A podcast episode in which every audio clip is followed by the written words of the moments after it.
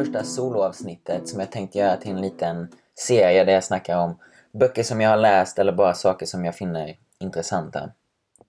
Och idag handlar det om en bok som heter Goethe, liv och tankesätt av Carl-Göran Ekevald. Jag har då valt ut lite citat och var annan information som jag tyckte var intressant som jag tog med mig från boken. Och det är både om den här Goethe-karaktären men också saker från tidsåldern och så han levde för, för ett bra tag sedan. Stundvis blir det kanske lite eh, förvirrande eller otydligt. Men jag har försökt, eh, försökt hålla ihop det och ha en röd tråd som går igenom det hela. Och eh, håller det sammanhängande. Okej, så jag plockade på mig en bok från min morfars gamla bibliotek. Eh, som heter Goethe, liv och tankesätt. Och till en början tänkte jag så här, vad fan har jag plockat på mig nu? Någon jävla... Någon gammal skitbok som jag aldrig kommer läsa, som jag kommer bli liggande och ta upp plats. Men sen så, ja, den fick, så den fick ligga ett tag och så, men sen till slut så bläddrade jag lite i den och så plötsligt blev jag intresserad och började läsa den. Så den handlar då om Goethe. Eh, som var, föddes i Tyskland 1749 var en riktig panggubbe. Um, höll på med massvis med saker. Så, eh, en sån här mångfifflare men på elitnivå, skulle man kunna säga. Så han arbetade som försvarsminister, finansminister, chef för gruvdriften, ledare och dramaturg vid Stadsteatern, chef för biblioteken och konstmuseerna med mera. Så liksom massvis med grejer. Han höll också på mycket med författarskap. Nu, nu har hans texter, texter, brev och sådant utgivits i 143 band. Vilket är över 150 000 sidor. Så det är en jävla massa jävla massa grejer han har skrivit. Så inledningsvis så talar då den här författaren lite om eh, Goethe. Så kvinnorna flockades tydligen till honom. Eh, han förälskade sig ofta djupt. Men hans rastlösa och oroliga natur tillät honom aldrig att eh, binda sig. Så han bryter ständigt upp och försvinner som en vålnad. Och detta är något som inte bara är kopplat till eh, kärleksrelationer utan även till alla möjliga relationer. Men eh, tro det eller ej, så till slut så gifter han sig. Han är då närmare 40, han gifte sig med en eh, 23-årig kvinna som eh, var en faderslös fabrikarbeterska utan högre utbildning. Eh, vilket då vid den här tiden var extremt eh, kontroversiellt med så här man, man hade väl, det var mycket hårdare så här med rang och så vidare och man skulle, det skulle vara rätt, eh, rätt där på alla sätt. Eh, så han stod ut mycket där.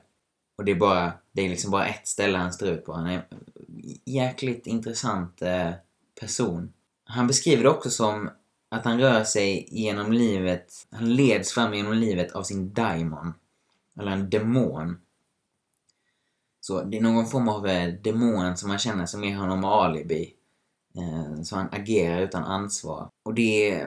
Jag blir rätt inspirerad av det.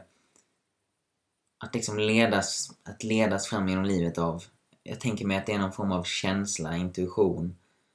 Och det här utan ansvar, som det visar sig senare, det har nog både en positiv och en ganska negativ sida till sig. Men det, det är verkligen karaktäristiskt för Goethe. Hur han eh, flackar fram och tillbaks från det ena till det andra. Men vi, vi kommer tillbaka till det. Men innan dess, så om vi skulle, eh, så här, författaren fortsätter att beskriva honom lite, så till sinnet är han impulsiv. Och det är ögonblicket som får avgöra. Han följer sina infall så här, ständigt efterfrågad sällskapsmänniska. Och precis som det här med hans förhållanden, så även där i relationerna så försvinner han som en vålnad även fast han eh, är eh, efterfrågad och så vidare. I kontrast till detta ser han också en meditativ natur. Han gillar att dra sig undan, strövar ofta ensam och isolerar sig. Och inte minst hans eh, tusental eh, dikter är en vittnesbörd om detta. Att han dragit sig undan, tänkt och skrivit. Sen verkar han också ha väldigt få eller inga förutfattade meningar. Några, några hade han säkert, vid Eh, människor liksom. Men få och förväntar, förvänta sig inget av andra. Inte minst hans äktenskap är väl på något sätt ett bevis av det att, ja, att han inte hade några förutfattade meningar där. Åtminstone när man ser det på avstånd. Just det här att inte förvänta sig något tycker jag också är intressant. Jag tänker så om, om, om fler personer inte hade haft förutfattade meningar och inte hade förväntat sig något från andra så hade nog världen varit en eh, ganska annorlunda och säkert mycket bättre plats. Goethe är också som en resenär utifrån. Så han är driven av någon stor nyfikenhet att utforska tingen och människorna. Horan likt fursten ges lika stor uppmärksamhet. Och just det här att se saker och ting utifrån, som en utomjording. Att, att, att eh, observera allting. Och han säger också, det finns inte något brott som jag inte själv hade kunnat begå. Även, även det är en sån sak eh, som man nog borde tänka en del på. Att, att eh, ofta så finns det en skuld i en själv. Och jag tänker alltid på det som, jag tror det är ett citat från Solzhenitsyn, att eh, skiljelinjen mellan gott och ont går rakt igenom varje människohjärta. Det är liksom det, det personliga ansvaret och att man själv inte nödvändigtvis är, är bättre. Men vad som också är paradoxalt med det här, att ofta tänker jag mig, eller upplever jag, att de personerna som har den insikten att det finns inte något brott som jag själv inte hade kunnat göra. Att det ofta är de som inte utför brotten. Säg om man tänker sig någonting som sådana här situationer med enormt stort grupptryck som typ i kommunister-Ryssland eller nazi-Tyskland. När enormt många människor tycker en sak och det är väldigt, det är liksom enormt svårt att hålla sin egen ståndpunkt och stå för sin egen moral, vad man tycker är rätt. Jag tror ofta att de, de personerna som på något sätt inser att de själva troligtvis inte hade kunnat stå emot det. Paradoxalt nog är det de som jag tror är troligast att hade kunnat stå emot det. Eh, på något sätt. Men vi fortsätter tillbaks till Goethe. Så, som ni kanske har börjat få en känsla av så är hans väsen väldigt svårt att fånga. Och den här författaren beskriver honom som eh, hal, svårfångad, instabil, förklädd och maskerad. Goethe själv jämför sig ogenerat med en vindflöjel. Och det går ju lite rakt emot det jag precis snackade om. Att, att han, är, han beskriver sig själv i princip som ett löv i vinden. Vilket ju inte är någon som håller sin ståndpunkt i en storm. Jag vet inte. Han är verkligen hal och svårfångad. Han är som ett enda stort eh, motsatsproblem. Och mycket riktigt så är han själv också medveten om det här och han snackar, Goethe själv snackar då om hur motsatsernas spel, en av grundvalarna för livet. Jag har läst lite Carl Jung och det är också något som han pratar mycket om. Han var en eh, psykolog, en av de psykodynamiska psykologerna. En lärjunge till Freud. Eller efterträdare, eller vad man ska säga. Men han snackar mycket om motsatsproblemet, att allt någon gång går i sin motsats. Och Goethe känns ju som han jämt och ständigt går i sin eh, motsats. Men på något sätt, på ett sätt som ändå är oftast är respektabelt. Jag vet inte, vanligtvis har jag inte så mycket respekt för personer som jag tänker på. Om jag skulle tänka mig en person som har ett löv i vinden så vet jag inte om jag skulle ha så stor eh, respekt för det. Men, men på något sätt finner jag Goethe extremt eh, intressant. Och det är också det som gör honom så svår att, eh, att placera. Han kanske inte ska placeras någonstans.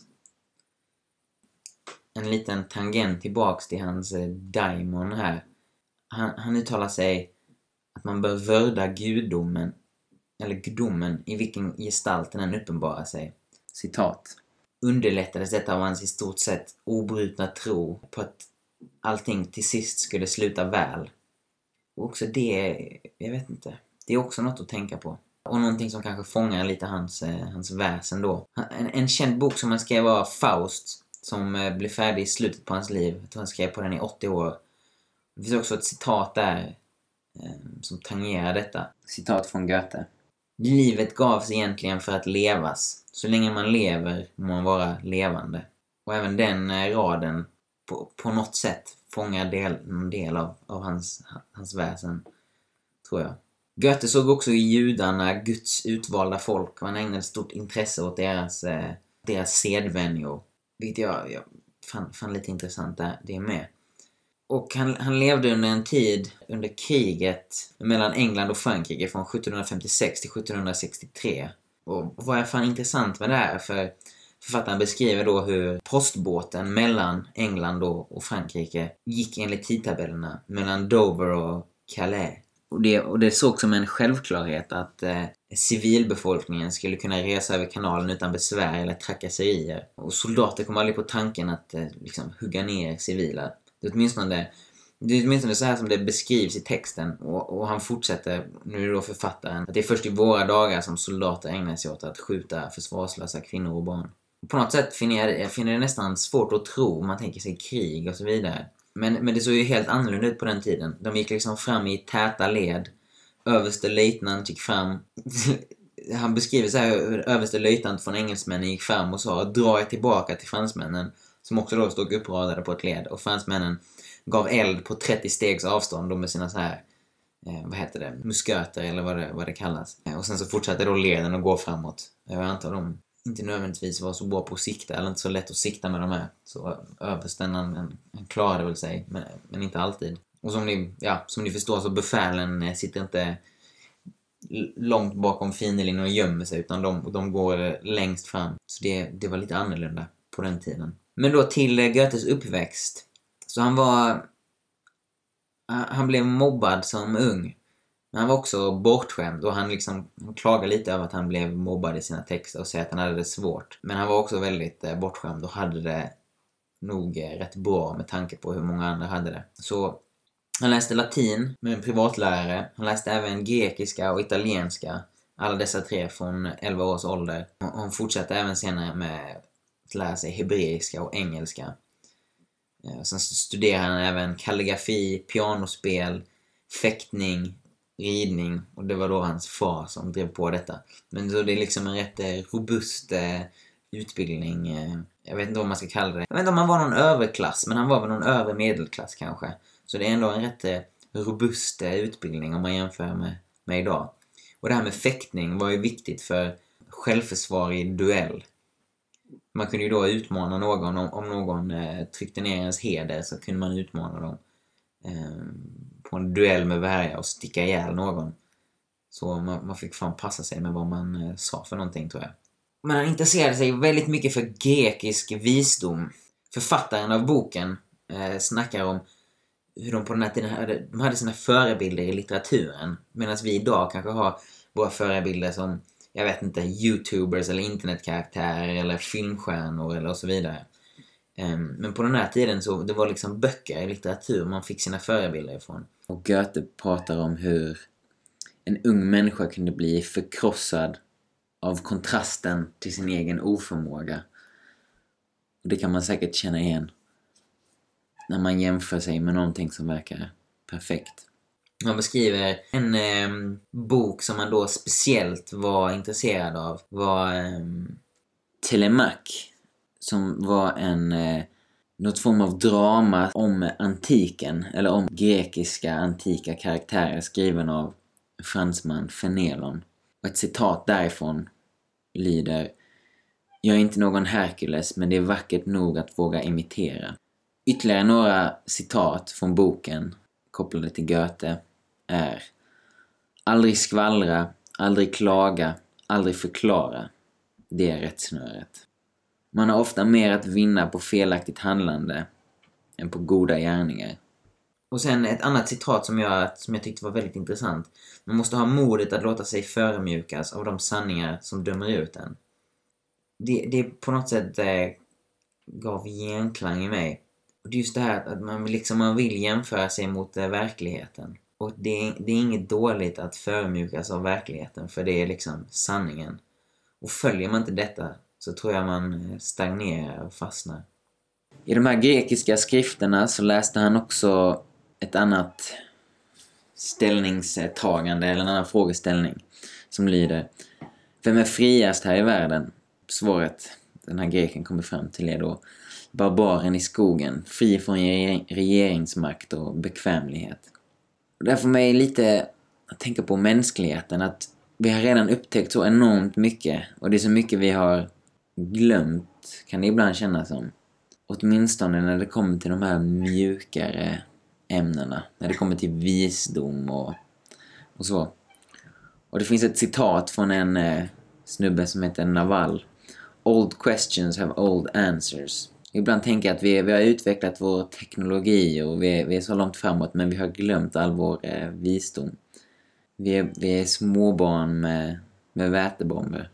Eller som någon annan uttryckte det, Gods but for the wisdom. Vi har såna här fruktansvärda teknologier, men vi har ingen, vi har ingen visdom. Och Carl Jung, som jag nämnde lite tidigare, han tangerar också det här med primitiva folk som vi alla kom från en gång i tiden. Och hur på något sätt när man blir mer medveten om sig själv, när självmedvetenheten föds, så klyver det vårt sinne i en medveten och en omedveten del. Och att det här då, det följer en hel, en hel rad problem från det. Så på den här tiden så hade man ju inga, man hade ju inte den här teknologin. Utan det var brev som var nödvändigt för att kontakta och förmedla information. Och det är också en stor del av eh, Goethes verk, alla hans brev som han skrivit till olika personer. Och det är också så den här författaren har delat upp boken, att det är olika relationer mellan Goethe och någon, någon annan person. Men också ljus fanns inte, utan det var, det var liksom, eller ljus fanns, men men det var stearinljus som gällde. Så efter nattens inbrott så blev det dunkelt, hemlighetsfullt och mörkt. Och eh, ja, det var inte så enkelt att sitta uppe på kvällarna helt enkelt. Så det är liksom en helt annan, ja det är en helt annan tid, en helt annan värld. Och likaså om man skulle resa längre sträckor, röra sig 30 mil krävde ett enormt tålamod. Då fick man åka i någon hästkärra på leriga, håliga vägar skumpande efter en häst och hoppas att det fanns ett värdshus på vägen.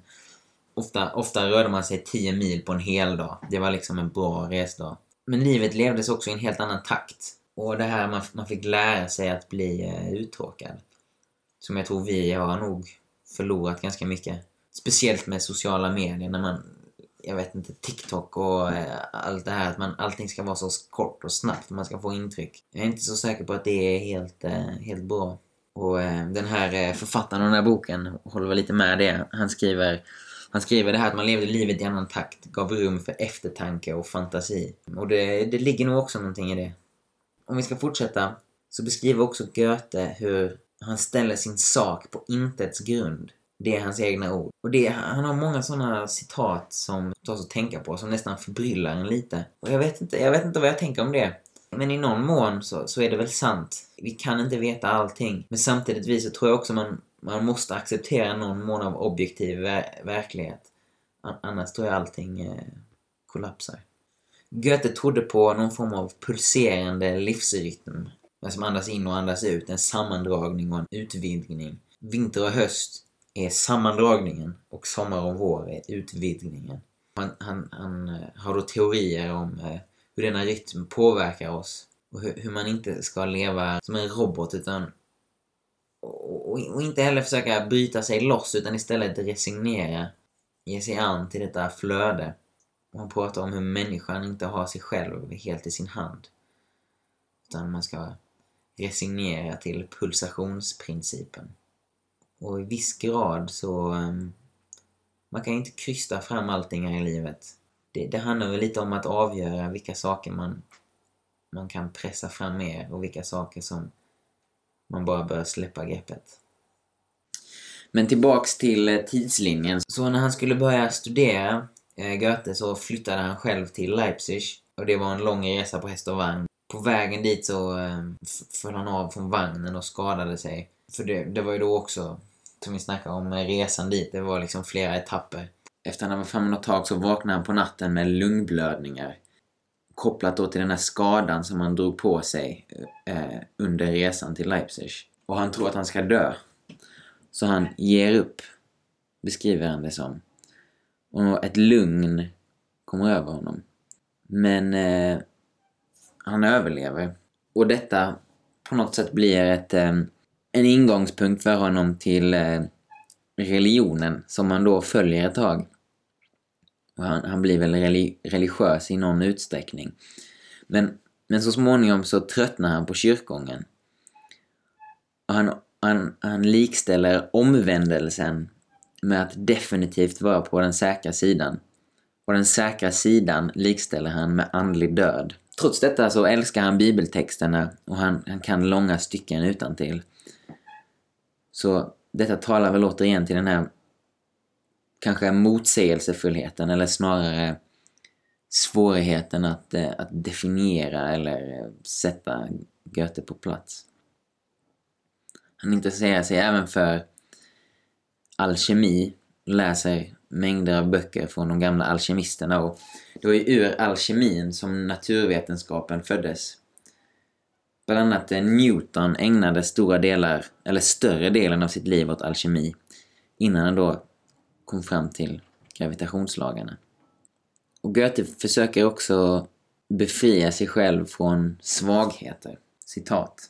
I självbiografin beskriver han hur medvetet han sökte befria sig från vissa svagheter. Han led till exempel av svindel. Därför besökte han dagligen domkyrkan, tog sig upp i tornet och vågade sig gradvis allt längre ut på den översta plattformen, 60 meter över marken. Han tålde inte starka ljud. Därför följde han vaktparaden för att vänja sig vid trummorna. Han tålde inte att se blod och inälvor. Alltså såg han till att vara med vid obduktioner. Allt samman stämmer väl in på hans allmänna syn på vikten av anpassning till livets villkor. Det är inte fråga om någon efterrationalisering när han i självbiografin tar upp detta tema. Så det handlar om att gå emot det obekväma. Tanken att det, det du mest behöver finner du där du minst vill leta. Och jag tror att det finns någon form av sanning i det.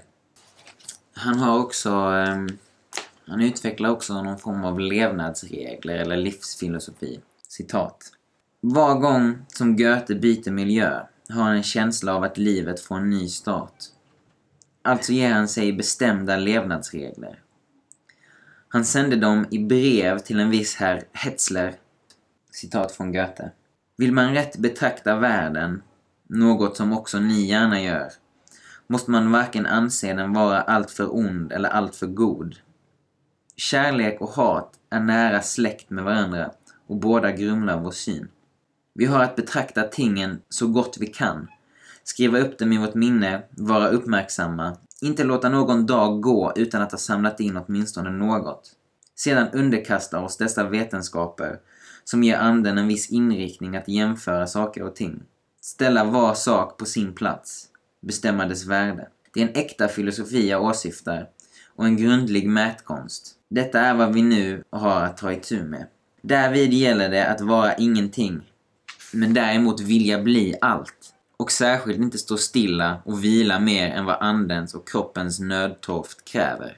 Trögheten på morgnarna är snart borta, bara man tagit sig samman och satt foten utanför sängkanten.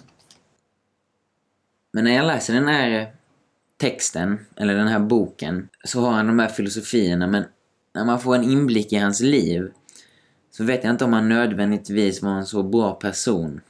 På vissa sätt i alla fall. Han liksom drar in folk på ett genuint sätt. Och det är det här som vi som jag nämnde tidigare med att han är liksom en vålnad som kommer att försvinna. Men han drar in folk, även då kvinnor och så vidare som han startar relationer med. Men ofta då både i relationer men i andra sammanhang så, så lämnar han ofta spillror efter sig. För han bryter upp. Han, han är väldigt intelligent men kanske också Kanske också plågad, jag vet inte. Och, och, inte nödvändigtvis en, en bra person, får jag intrycket av. Men vi fortsätter framåt. Så han går väldigt mycket, tillryggalägger långa sträckor till fots, som poeter i alla tider har gjort. Och det får mig att tänka på en, ett citat från Werner Herzog, där han sa “Read for the sake of reading and travel by foot”. Här följer ett till eh, citat från Goethe. Där han pratar om religionen och bevis. Jag är kanske tokig som inte gör er till viljes och använder samma ordval som ni använder för att uttrycka mig. Inte heller lägger jag fram mitt innersta genom ett rent experimentell psykologi för att bevisa att jag är en människa och därmed inte kan känna annorlunda än andra människor.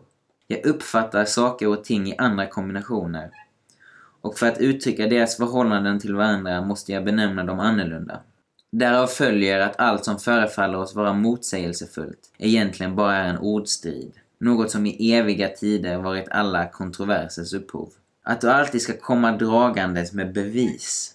Vad har jag för behov av bevis? Behöver jag bevis för att jag existerar? Bevis för att jag har känsla? Jag uppskattar och älskar och dyrkar endast sådana bevis som vittnar om hur tusenden eller en enda före mig har känt just det som ger mig kraft och styrka. Och så är för mig människornas ord Guds ord. De må sen vara samlade av präster eller horor och rullats ihop till en kanon eller strötts ut som fragment. Med varmt hjärta faller jag Broder Moses om halsen. Profet, evangelist, apostel, Spinoza eller Machiavelli. Och så får jag säga till var och en av dem. Kära vän, det går för dig som för mig. I enskildheterna känner du kraftigt och härligt, men helheten fattar det huvud lika litet som mitt. Jag har också ett exempel från, som kanske man kan koppla tillbaka till det här hans Diamond, som han lyssnar till och följer.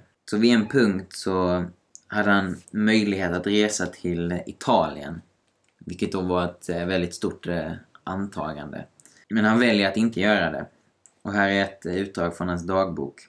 Citat från Goethe. Som piskade av osynliga andar går tidens solhästar iväg med vårt ödes lätta vagn. Oss återstår bara att dristigt samla oss och fast gripa tyglarna, styra hjulen en åt höger, en åt vänster.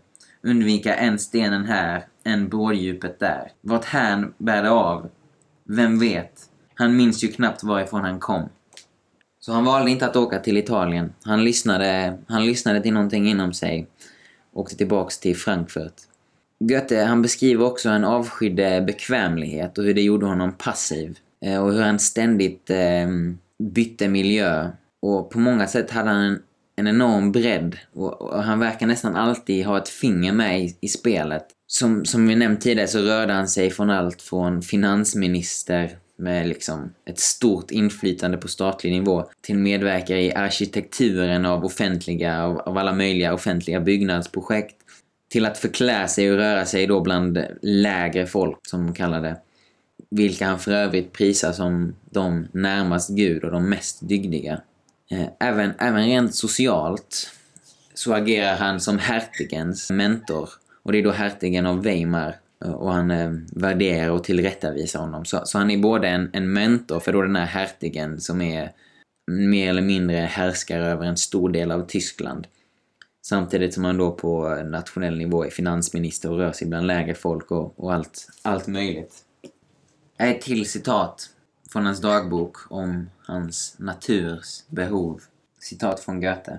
Min naturs behov tvingar mig till en verksamhet av många olika slag. Och jag skulle om jag bodde i en liten by eller på en öde ö vara tvungen att vara precis lika verksam. Bara för att leva. Är det saker som inte passar mig så kommer jag lätt över det. Därför att i min tro finns en artikel som säger att vi enbart genom uthållighet och trofasthet i den nuvarande situationen blir värda en högre nivå och vinner förmåga att beträda denna nivå. Det må sedan vara i denna timliga värld eller i den eviga. I ett annat dagboksinlägg eh, så talar han om tryck. Citat från Goethe. 13 januari, Weimar. Övertagit krigsdepartementet. Första sessionen. Lugn och stadig i mina sinnen och skarp. Ägnat all tid åt dessa affärer, dessa dagar. Badat mig i dem. Gott hopp. Viss om att hålla ut. Det tryck som ärendena utövar är mycket angenämt för själen. När den avlastas spelar den friare och njuter av livet. Ingen är så eländig som den människa som lever behagligt och utan arbete. Den bästa av alla gåvor kommer att väcka hennes äckel. Svårigheten att sätta igång jordiska maskiner och hålla dem igång. Lärobok och historia är för den aktive lika skrattretande. Detsamma gäller varje stolt bön om vishet. Ty denna gudarna en gång för alla förvägrat människorna. Klokhet delade ut åt tjuren efter hans horn och åt katten efter dess klor. De har gett alla varelser vapen. Att jag dricker endast hälften så mycket vin är mycket nyttigt för mig. Sedan jag slutat med kaffe är det den hälsosammaste dieten. Senare här beskriver han också att han klarar av alla dessa uppgifter. Han, han har ju då väldigt många uppgifter, en väldig, en väldig bredd av uppgifter och det kan säkert vara, ha varit väldigt stressande. Men han, han beskriver att han klarar av alla dessa, alla dessa uppgifter på grund av att han tar allt som övning. Och även, även detta tänker jag på något sätt är kopplat till hans daimon. Att han, han kan agera utan ansvar. Att han följer sin intuition eller ja, sin demon. Ett antal år senare så reser han till Italien till slut inkognito Och på samma sätt här så bryter han upp från allting. Eh, han meddelar bara en person att han ska resa som får meddela resten. Och då ska man minnas att han, jag vet inte exakt vad han hade för arbete vid den här tidpunkten, men mängder av eh, företagare och så vidare. Högt uppsatta positioner. Och så lyckades han väl eh, komma loss från det. Men, men alla, alla personer får bara reda på det genom en, en liten pojke som man meddelar, eller något i den stilen. Han reser då som herr Möller, eh, 32 år gammal, pratar med alla. Alla möjliga folk han träffar på sin, sin väg. Och i själva verket är han då 37 år och minister i tyska regeringen. Så man kan ju bara tänka sig, försöka dra en parallell till nutid. Tänka sig någon nutida minister som hade gett sig iväg och låtsats vara någon allmän, någon allmän, ja, person, vem som helst.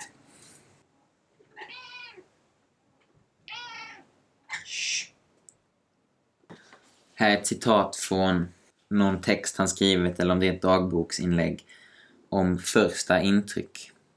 Under alla omständigheter måste man se tingen om och om igen ifall man vill skaffa sig ett rent intryck. Det är någonting säreget med ett första intryck. Det utgör alltid i hög grad en blandning av sant och falskt. Jag kan ännu inte riktigt räkna ut vad det beror på att det är så. Så för Goethe hade naturvetenskapen prioritet och hans självutnämnda uppgift är sökande efter allmänna lagar som bestämmer levande varelser. På något sätt kan man se bevis av detta i, alla hans samlingar. Och det, det, här kopplas ju också till det här eh, som vi nämnde tidigare om hur han ser sig, eller hur han agerar som på något sätt en spion eller någon, någon som studerar världen från någon form av objektiv vinkel. Eh, men så här ett litet citat från boken, från hans samlingar. Vilken omfattning som Goethes intresse för fysiska realiteter med tiden fick framgår av de samlingar som fanns vid hans bortgång i mars 1832. 17 800 olika mineraler, klassificerade och katalogiserade herbarier med 2000 växter fördelade på 1300 arter, tvärsnitt och längdsnitt av fröer och frukter, en mycket stor mängd skelettdelar, alltifrån elefanter och giraffer till möss och sorkar. Vidare monterade skelett, framförallt fågelskelett, 30 stycken. Sen så småningom, han tar sig tillbaks från eh, Italien, från Venedig, tillbaks till Weimar, Tyskland, till sina poster. Jag tror efter två års tid eller något i den stilen. Och nu är det då den franska revolutionen. Och eh, hertigarna runt om i länderna runt omkring är ju oroliga. och De vill kväva det så att det inte sprider sig. Så Goethe rider in i Frankrike med hertigen av Weimar för att kväva revolutionen. Och då tillsammans med en, en stor armé givetvis. Och det, ja, som sagt, de är rädda för spridning, att det ska sprida sig in i Tyskland. Citat. På den här tiden red prinsar och generaler i spetsen för de sina Preussiska prinsar gärna klädda i helvitt för att riktigt utmana fiendens kulor. En annan liten intressant eh, notis är hans syn på tidningar som då eh, framkommer i hans eh, dagbok under samma tidpunkt, under revolutionen då. Han avskyr tidningar. Orsaken är att han inte vill förorena sin föreställningsvärld med olyckor och katastrofer som man inte kan göra någonting åt. Citat. I samma ögonblick som han praktiskt kan ingripa för att rädda någon, släcka en brand, hjälpa en tiggare, då ingriper han lika tveklöst som generöst. Det är, det är också en lite intressant insikt som idag på något sätt så känns ju det mer relevant än någonsin med sociala medier. Jag tror det var en annan citat från Naval. Social media is dividing us by bringing us together att det inte är nödvändigtvis rätt igenom bra att vara uppkopplad med hela världen och, och veta av allt som händer hela tiden. Eller som Goethe sa, att gå sorgklädd ständigt och jämt är smaklöst. Citat från Goethe. Detta är av största vikt. Till noga sett är det på det privata planet ändå bara uttryck för en fånig högfärd. Att visa så mycket intresse för någonting som inte angår oss. Men tillbaka till hertigen och Goethes inridning i Frankrike för att kväva revolutionen. Så de stöter på eh, en grupp fransoser, revolutionärer, som då har satt upp något form av läger framför någon svacka av något slag. Så de påbörjar då strida mot varandra med musköter och um, tyskarna är övertygade om att de kommer... Jag menar, de har, de har på pappret har de en eh, strukturerad officiell armé medan fransoserna bara är organiserat vanligt löst folk. Så tyskarna är övertygade om att de kommer vinna. Goethe å andra sidan har ett helt annat agenda. Han är nämligen intresserad av kanonfeber. Citat. Det är i detta läge som Goethe rider ut för att på egen hand undersöka vad den så kallade kanonfebern innebär. Hur reagerar människan när hon utsätts för beskjutning från grovt artilleri? Vi kan tycka att dåtidens kanonkulor, som visserligen kunde väga både 50 och 60 kilo, var leksakskulor jämförda med dagens missiler. Och vi kan utan överdrift påstå att riskerna var betydligt mindre 1792 jämförda med 1992. Det var just därför som preussiska prinsar red omkring som självutpekade måltavlor. Men ändå. Ett faktum är att kanonfebern var någonting som alla den gången fruktade. Citat från Goethe. Jag hade hört mycket talas om kanonfebern och önskade få veta hur det förhåller sig med den saken. Citat. Han rider förbi sönderskjutna byggnader, döda kroppar ligger på marken. Han möter några officerare som uppmanar honom att försvinna. Det regnar ett stritt regn. Goethe bär inte uniform. Han är civilisten som ser sig omkring på samma sätt som civila amerikaner beskådade slaget vid Gettysburg eller som Pierre i Tolstojs roman Krig och fred. Klädd i brun syrtutt, närsynt, studerar Tolstojs hjälte de framstötande skvadronerna. Goethe är för övrigt en av Tolstojs förebilder, fast beskrivningen av kanonfebern behövde han inte låna. Tolstoj hade varit med i Tjetjenien och i Sevastopol och hade större erfarenhet än den store från Frankfurt. Citat från Goethe. Jag hade nu kommit in i det område där kulorna flög fram. De ger ifrån sig en märklig ton, som om den var sammansatt av brummandet från en snurra, ljudet från vattnets porlande och en fågels pipande. Kulorna var mindre farliga på grund av den fuktiga marken. Där en kula slog ner blev den fast. Min dödliga experimenttrit var åtminstone säker för rikoschetter. Under dessa omständigheter kunde jag snart märka någonting ovanligt hos mig. Jag var uppmärksam på detta och ändå var det svårt att rätt uppfatta känslan. Det var som om jag befann mig på en het plats och att denna hetta fullkomligt genomträngde mig.